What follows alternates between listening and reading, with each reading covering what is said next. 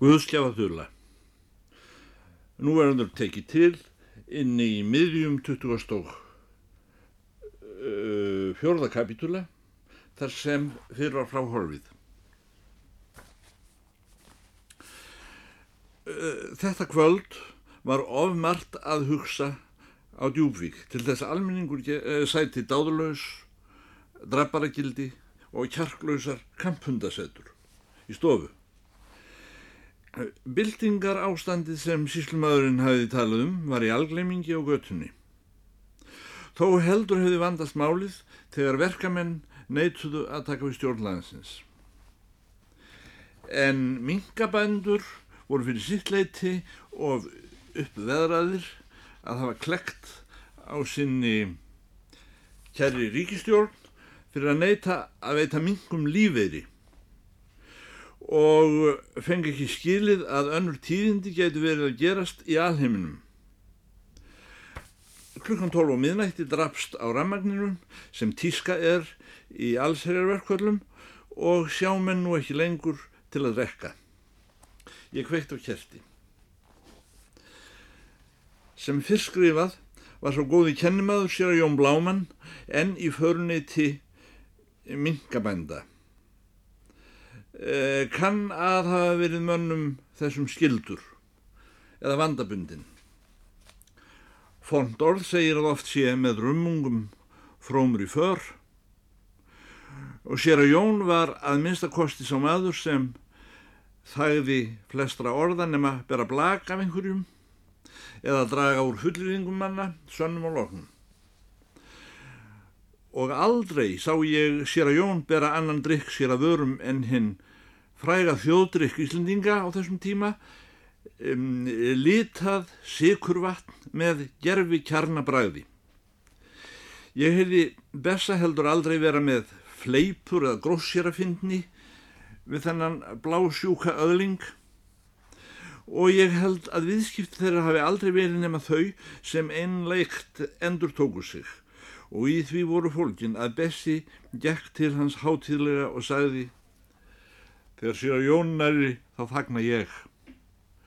Tók síðan bláa kuldabólguhönd klerksins og bar handarbækið upp að kynnsir um leið og hann hefði yfir þessar fallegu hendingar úr sildarbátsálmi og Jésús var fættur í Nazaret, já þá var ég nú alveg bett.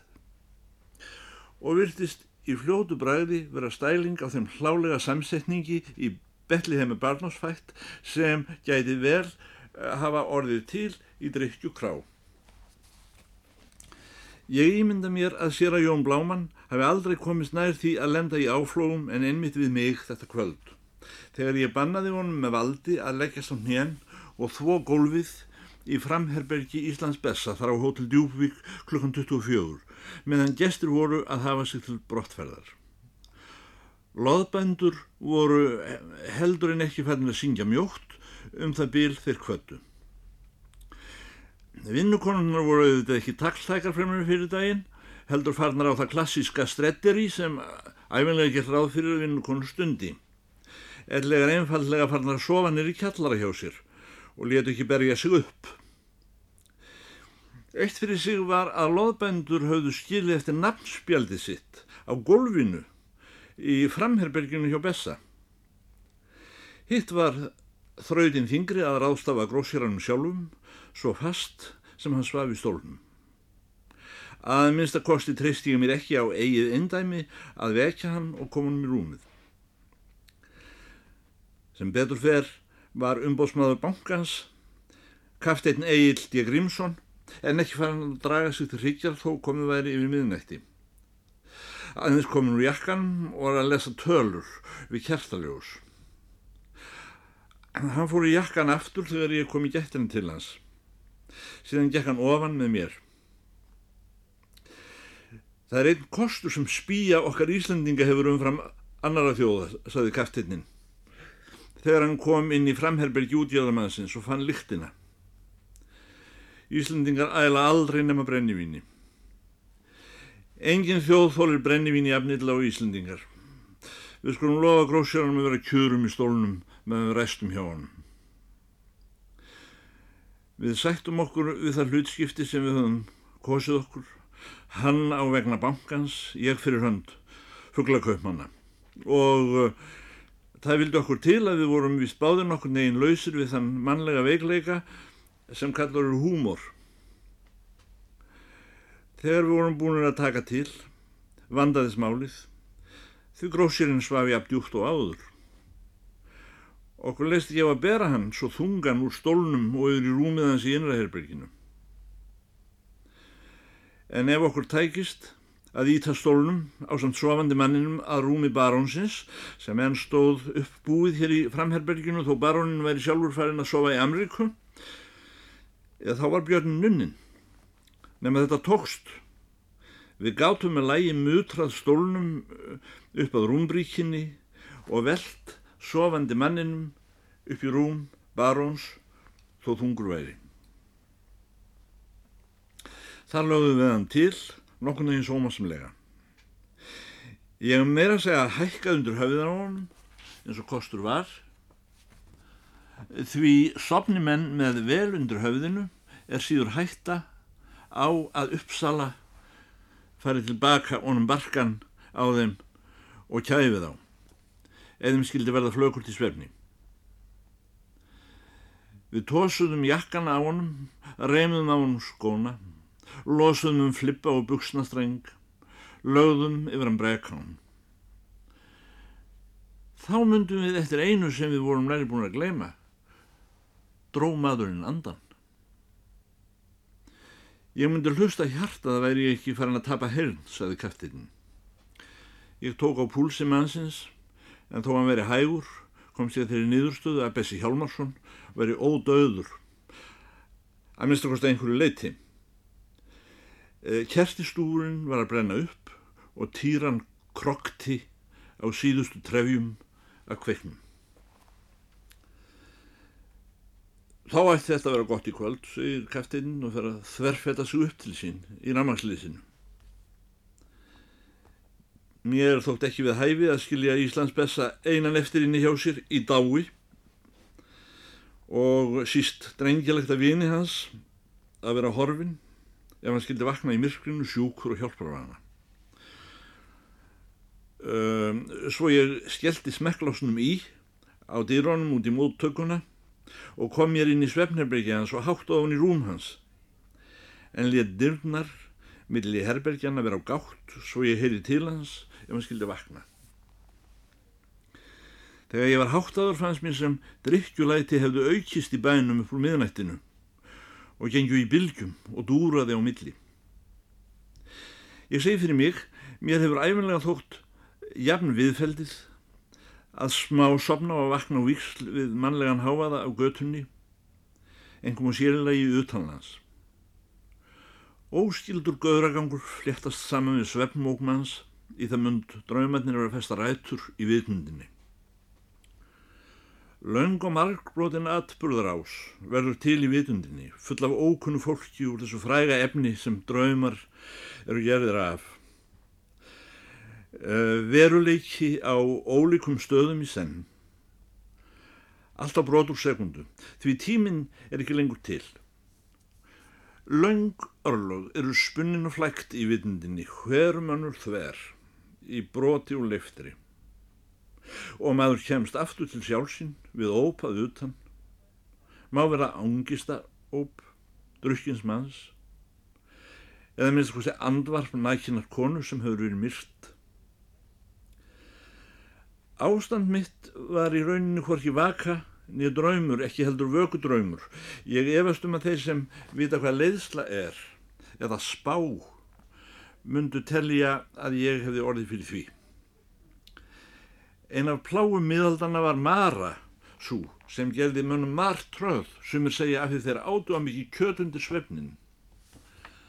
Lærður, uh, lærðar djöflafræðilegar rítgerðir hafi verið skrifaður um þetta flagð og málarar hafi gert það í myndir. Bringsmala skotta, saði fólk á Íslandi um flagðið. Það fór upp á mig, saði gamla fólkið, um martröð. Fjöxtu kannski vitrun, myndum að spurja. Ég veit ekki hvað vitrun er. Haf ég fengið nokkuð, þá var það í hæstalegi vitjun, eins og sættir á biblíumáli. Aftur á móti hefði verið miskunalöst af mér að leita hins sanna í þessu máli og er enn. Þið síðasta sem ég gerði áður en ég fór upp í rúm var að skelli lás hulðinni fram í móttökuna.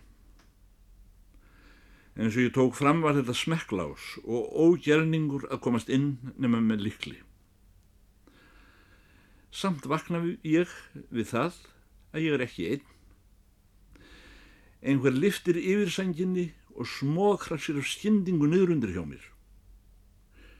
Hvernig stóðu því að ég hefði ekki hirt aflæstum dýrónum lokið upp? Hvernig stóðu á nokkur maður gæti gengið hyglust í kólamiskri um íbúður ósir hans að þess að rega sig á stólana eða láta heyra til sín, þó ekki verið nema þrusk? Eða svaf ég enn í einhverjum ramflektum örlaga fjötrum mér ókunnura drömmanna? Kanski ég hafi annars aldrei vaknað, en hafi ég vaknað í raun og veru. Þá var það ekki fyrir en sænginni hefði verið svift af mér og yfir mig grúðist alls bergkvennmaður, eða ég vona minnst að hvert svo hafi verið. Og hafi svo verið, sem ég hygg, hefur ekki svo ég viti nokkur maður orðið jafn klumsa í fanginu á nokkuru ferlíki í kvennmannsmynd síðan á miðöldum. En sem betur fór, held ég mér sér óhætt segja, var gesturinn að sínuleiti jafn hissa, því ekki hefði konan fyrr þreifað fyrir sér, en hún hljóp öll í gattstokk með heldur óblíðu tali. Hvað er þú að vilja í þessu rúmi, segir hún. Það er bannað að gestur sofi hverji annars herbergjum og nættinnar. Bessi Hjálmarsson doldið lasinn, segi ég, ég er hjá honum. Það er ég sem ber ábyrð á Bessa Hjálmarsinni, sagði hún. Þú eittir skilað að fá duglega ráningu. Ég skal fara, segi ég. Fara, segir hún. Heldur þú sleppir svona létt út úr því að hafa berað blíðun heiðarlegar konu? Nei, þú skalt svei mér komast að í kiptu. Hún læsti tönnunum í vörin á mér svo lagaði úr mér blóð. Hafðu þetta, segir hún. Og þegar ég ætlaði að vinda mér úr fangbröðum hennar, beit hún mig aftur að þessu sinni á hálsin undir eiranu eins og tönnum tók. Og þetta líka bætti hún við og þakkaðu Guði fyrir ég dref þig ekki. Allt í einu hvað við áköf en óregluleg samringing kirkjuklukna utan á bænum og konan spratt á fættur felndruð. Ég var laus. Ég þreyfaði mig áfram til dýra í myrkrinu. Óreglulegt glamrið í kirkjuklukkonum held áfram með að ég var að þreyfa mig upp stígan inn til mín. 2050 kapitúli eh, Nýtt ríki upphaf og fall. Lagreglumæðurinn stendur með kasketið í hendinni í móttökunni og býður góðan dag. Eru þér ekki rittstjóri blæðsins? Svo það heita þó blæðið hefur reyndar ekki komið út í minni rittstjórnar tíð, ég. Ekki komið út, nei. Viljið þér komið með mér? Rittstjórnin nokkuð sérstakt um að vera Lörglann og valla getur það nú heitið Við gengum á stað Hann var maður líkt talgefin að fyrrabræði en rætti stúrunum Ég að mínleiti var ekki vissum nema ótilhlýðilegt væri af manni sem hefur verið tekinn fastur að byrja á því að yfirheyra lörgluna Þó gætt valla spilt málstannans að minnast á veðrið eða jáfnvel fiskiri. Ha, sagði Lóreglann, jú, það er allt gott að frétta, ekki vantar það. Ég var settur í gemsluna klukkan þrjú í nótt. Hvaða gemsla er það með leiði, spyr ég. Lóreglann svarar, það er svarthólsgrei sem við höfum hérna handa drikkjuhundum. Ég spyr hvort nokkuð hafi komið fyrir. Ég var tekinn fastur, segir púlísin. Fyrir hvað? Svo þú hefur ekkit frétt, segir hann. Frétt hvað? Veist ekki að það var gerð bildingi nótt? Klukkan þrjú? Hvor gerir það? Það er ekki búið að rannsaka það, sagði lögreglunum. Ríðstjóri segir, var þetta einhver bilding sem um munar? Lögreglun svarar, já, um hvað munar þegar gerir bilding? Spurning, uh, var það gerbilding? Ekki skal ég um það segja, svara lögreglunan, en síslumadurinn var tekinn og við lögreglu þjónarnir aftur á móti lögreglustjórun, hann faldi sig. Og allir þeir forstjórar sem náðust ófullir voru fluttir í geimsluna. Sér að Jón Bláman var vækin upp og, og tekinn nýj sopnaður. Oddvitin var sóttur heim til sín upp í sveit og færður í geimsluna í álnum. Kommunistin sem stjórnar djúpsíld var tekinn á skrifstofinni hjá sér og Þórarna þjóðgjörstóttir var líka setti í árn. En geitin fannst ekki, hútin sem leita var. Rammagnið hafði verið tekið af. Aftur á móti var hænsnum apotekarans hleyft út um miðjanótt. Þetta verið aldrei fyndið að verið satt, annars ekki segja. Þú mátt væna mig um lígi ef þú vilt, sagði Lóreilsan. En klukkan þrjú var allt um götur gengið og byltingin sigursæl. Þá ringdu þeir kirkuklukkonum. Ríðstjóri blæðisins segir á ég skilja þetta svo að við lifum í byltingarþjóðfélagi hér og, og nú. Lóreilsan. Ó nei, ekki nú svo vel. Okkur var leift út í rauðabítið um, uh, því það var runnið af þeim klukkan 6 og hverki dropa að fá og ekki hægt að halda áfram. Vonandi enginn verið drepin. Já, það er nú einmitt það. Tveir er að mista kosti döðir. Kanski þeir hefðu dáið þó það hefði ekki orðið bylting, það hefur ekki verið rannsakað en það er út af því sem við þurfum að tala við yður. Geitin stóð hugsi og hengdi niður hausinn út á miðri götu. Rittstjórun let ekki undir höfðuleikast að gefa henni tvær kapstansíkarettur í verðlauna og heilahúska skinni í tilefni þess að hún skildi hafa komið lífs, lífs af í byltingunni. Það er sjálfgeft að geit fyrir komist lífs af í byltingum. Nú maður ekkur spyrja hver komið hefði öllu þess á stað. Því svo virtist að í gerkveldi hefði fólk alls ekki verið á þeim buksónum að stjórna landinu þó því stæða til bóða. Í staðin fyrir að fara hátt af um kvöldið var bylting hér um nóttina. Þetta helgaðist af því að þeir fullu einir hafa æfiverkefni á Íslandi og hvíla sig aldrei frá hugssjónsinni. Hjá þeim er sérkvært dagur á stuttur þó þeir fara á fætur fyrstin mann á mótnana og seinastir í rúmið á kvöldinu. Þessir menn einir höfðu mandáð til að gera byltingu á Íslandi. Þeir ófullu hengu bara einhverstaðar á horrim. Ymsum höfðu þótt illareikinn trippin loks þegar almenningi hefði verið afhengt útgjörðin með sildarbátum, söltunarbryggjum, verksmiðum og stjórn bæjarins og myndi áreðanlega hafa staði til bóða að stjórna landinu eða vildu. Þá fóru menn undan í flæmingi. Sumir vildu leðri eftir þess að korvillu en þá vantaði brennivínið. Brennivín hjá okkur kemur í staðin fyrir helbriða skynsemi og hverstaklega meðalhegðun. Áhengisverðlu ríkisins var lokuð í landlegum samkvæmt lögum. Nú voru góður á dýr. Út úr lækninum herjuðum en þá tortís sem hann átti af hreinum vínanda. Til viðbóttar voru tæmdir kompásar í bátum á höfninni. Á þeim er eitur.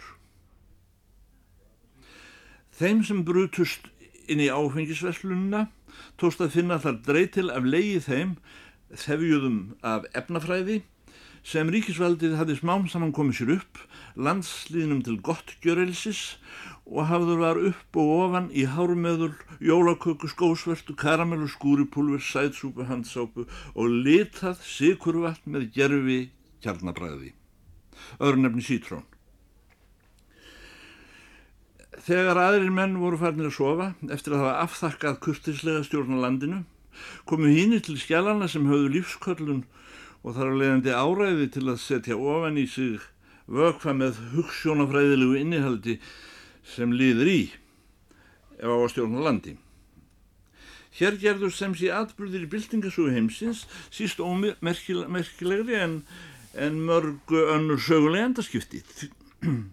Því verður ekki í móti meld, þó að standi hvergi á prenti, að þarna var líst yfir nýju liðveldi undir byltingastjórn. Þetta ríki stóð með blóma í þrjá klukkutíma. Saga þessar byltingar þá þrjá tíma sem ríki stóð hefur ekki verið skráð og mun þessi sögulegi viðburður í fyrsta sinni sjá dagsins ljós á mínum blöðum.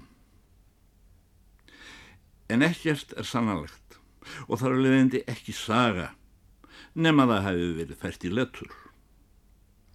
Kanski er bylting einlegt smá frétt og ekki þess virði að vera fært í letur en jafnveg sunnamblöðin sem eru þó nösk á smáfréttir gáttu aldrei þessa atbrúðar er stopnað var nýtt líðveldi í heiminum þessa nótt.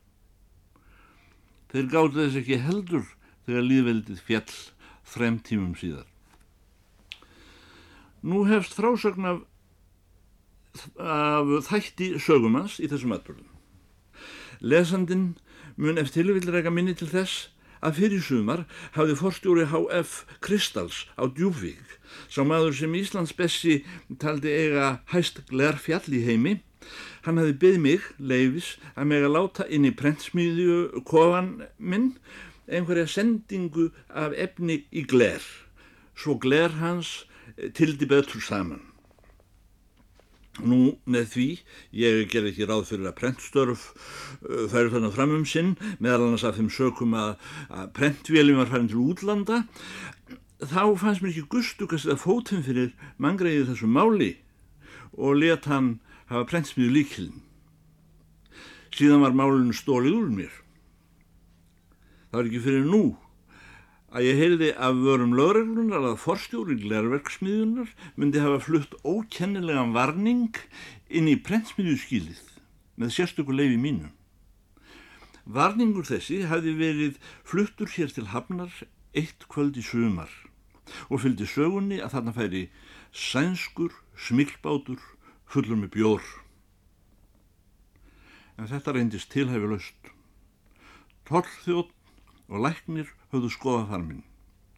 Þar var öngvan bjóra að finna. Aftur á móti einhvers konar dökkgrátt mak í blikktunnum að hafi gler. Vöru þessari hafi verið skipað upp og komið fyrir í prentsmiðinu um nóttina og skipið var látið úr höfn að morgunni. Nú er frá því að segja að í byrtingu morgunin eftir byrtinguna voru margir farnir að vera nokkuð svo þurr í hverkum aftur, sumir svo til vandraða horfi. Kom þá upp sagan um smilskipið sem hafði átt að koma hér að landi fyrir hálfu mánuði einan nótt og leggja upp ókynstrum af bjór og myndi þessi metall hafa lendt í prentsmiðju norður fjárhans. Prentsmiðja var læst og hafði hlerum verið slegið fyrir glugga Ekki af því þar væri gengt neitt ljótt sem ekki má nefna, heldur af því rúður höfðu verið brotnar í prentsmiðinu sem vantar að gera við mann tóm hús.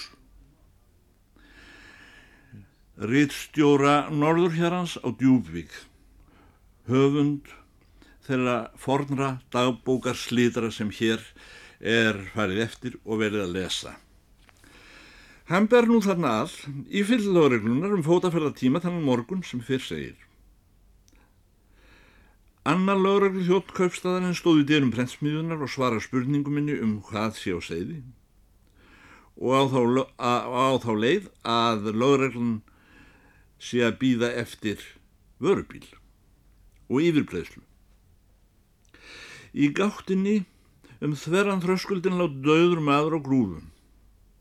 Sennilega hefur hann þó dáið upp í loft en verið veld við. Innan við þröskuldin lág annar döður maður upp í loft. Þetta voru ungir menn í verkamannafötum með úfið hár og vikustæðið skegg, báðir hálf gapandi, bláir í framann með hálfopinn augun og tví líkir sem þeir hefðu gefið upp öndina í kvöl og ángist.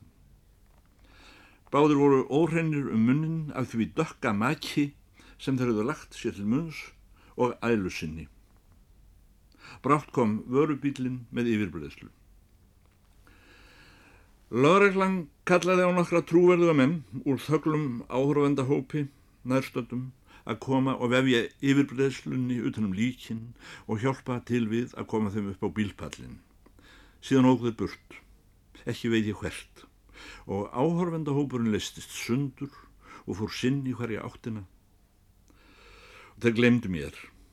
Ég stóð einn eftir eins og vanrækt skildmenni. Í skjálasöfnum ríkisútvarpsins tókst mér á dögunum að finna þá skýrslu sem útvarpið let mig gera um þetta mál handa frétta þjónustunni um árið.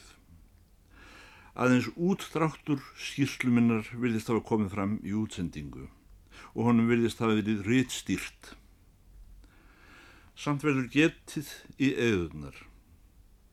Þegar öll er á botnum hólt hegg ég að þó ég fær að skrifa fréttina í frásagnarstýl nútímans eftir öll þessi ár myndi ég ekki geta betrum bætt myndina af þeirri aðkomu sem rittstjóri Norðurhjarans átti í prentsmiðju sinni morgunin eftir byltinguna.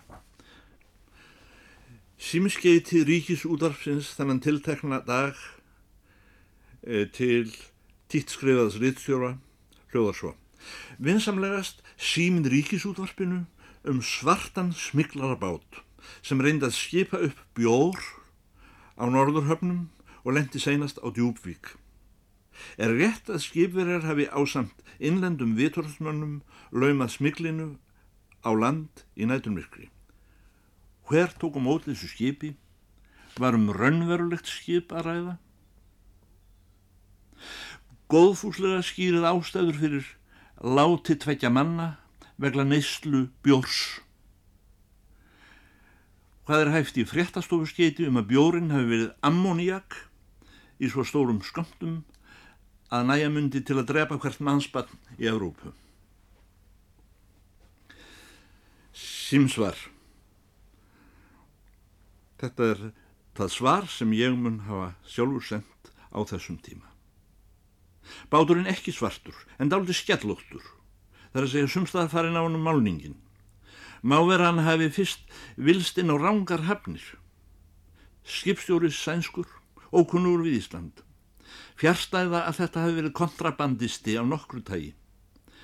Þegar hann fann loks Djúbvík gerði hann vart við sig á löglegan hátt og toll yfirvöld staðfestu að farmur veri fullkomlega löglegur eigandi glerverksmiðjan Kristall HF Djúbvík og var hann skipað upp og fluttur beint í gemsluhús sem glerverksmiðan hefði fengið að láni í þessum tilgangi af lögmætum umbjóðanda téðshús og er eign stúara félags djúbvíkur. Efni þetta, fullkomlega löglegt, er haft til glergerðar og innflytningur þess öngum takmörkunum háður hér á landi samkvæmt vittnisspurði hérðarsleiknis og hefur í dag verið rannsakað af efnafræðingi úr bræðsluverksmiðunum. Það er miskilningur að efni þetta sé ammoniak eins og fréttastofu skeiti herma heldur arsenikk. Arsenikk er að vísu nokkuð stert efni, enganlega ef þess er neitt í stórsköndum, en holdt að ef því er blanda rétt saman við líf til dæmis gott við blóðleysi ef það er blandað mátulega með járni. Þó því hefur við haldið fram að eitur á djúfvík myndi næja til að drepa sérhvert mannsbarn í Evrópu, þá hefur ekki slíkt verið reynd og má því heita ósannal. Menn þeir sem letust í dyrum brennsmiðunar í morgun heldu arsenikið vera bjór í förstu ástandi og munu hafa neitt of mikils af efninu í einu. Þessu undirskrift Norðurhjarinn, Djúbvík og svo framvegis. Eftirmáli. Ég get ekki still mig um að prenta hér á lokum skeitaskipti millir landsambands kvemfélaga í sveitum gegn bjórflutningi til Íslands. Og ritstur á Norðurhjarans á Djúbvík. Skeitið er sendt áður en leðrétting mín til ríkis útvarpsins kom fram. Guðrúnastöðum vestan helkundu heiðar og framvegis. Herra rítstjóri. Sækir vofilegar morgunfréttar í útvarpinu í dag. Þess efnis að tveir verkamenn hefði orðið bráðkvættir af bjór á riðstjórnarskrifstofu verkamannablaðisins Norðurhjarnans í Djúbvík í morgun leifum við oss að láta í ljós skelvingu vora út af lífshættulegum drukk sem ógnar eiginmannum vorum og sonum. Við treystum yður að gefa í bladi yðar fullnæjandi skýringar á þessu voðalega atvíkin. Við krefjumst þess í nefni hilsu og velferðar íslensku þjóðarinnar að þessum óttalega vökfa verði held nýður í nýður hellingarstöðinni á Akureyri. Undirskrift 25 Gvenmansnöfn. Svar mitt skeiti frá blaðinu Norður Hjara Djúbvík til formans Kvenn félagssambands bjórbindindis Kvenna að Guðrúnarstöðum vestan Helkundu heiðar P.R. Akureyri háttvirtu hrúr. Það var ekki bjór, heldur arsenikk. Virðingarfylst, rittstjóri Norður hérans, Djúbvík. Svar frá Kvennfélagssambandinu, Guðrúnarstöðum og svo ræðis. Til herra rittstjóra blaðsins Norður hér, Djúbvík. Guðis í lof að það var bara arsenikk stjórnin.